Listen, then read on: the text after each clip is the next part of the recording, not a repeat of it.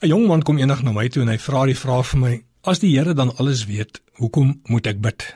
Ek het later so 'n boekie ook geskryf en na aanleiding van dit het 'n jong dogter vir my hierdie pragtige storie vertel. Dis vriende van my.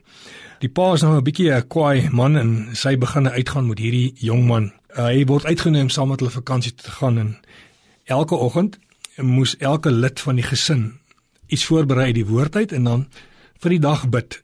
En so kom dit die middag en hy stap toe na hierdie jong man en hy sê vir hom: "Jy moet môreoggend vir ons bid en uit die Bybel lees."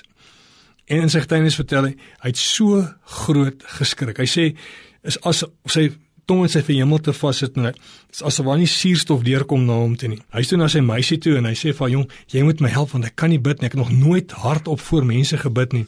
En sy sê vir hom: "Maak 'n lysie. Maak 'n lysie oor wat jy gaan bid." En daai aand vertel hy ook hy kon nie slaap en hy het sy lysie gemaak en die oggend om die tafel sit hulle en die pa sê jy moet vir ons open.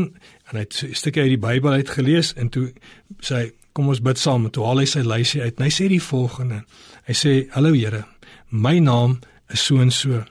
Jy weet ek is maar 'n ou wat nie kan praat nie. Ek is 'n ou wat nie iets kan sê nie. En dis wat hy nou alles sê. En hy begin sy lysie en hy begin so een vir een aflees en hy kom éventueel by die einde en sê Here dis nou die einde van my gebed en ek hoop ek het u nie te geïrriteerd met my lysie nie en ek wil net sê dankie vir alles amen toe hy amen sê toe kon niemand verder praat nie want toe hoor hulle hoe praat iemand met die Here hoe het hom letterlik voorgestel aan die Here En hierdie jong man is so passievol vandag vir die Here. En selfs die disippels het dit gedoen.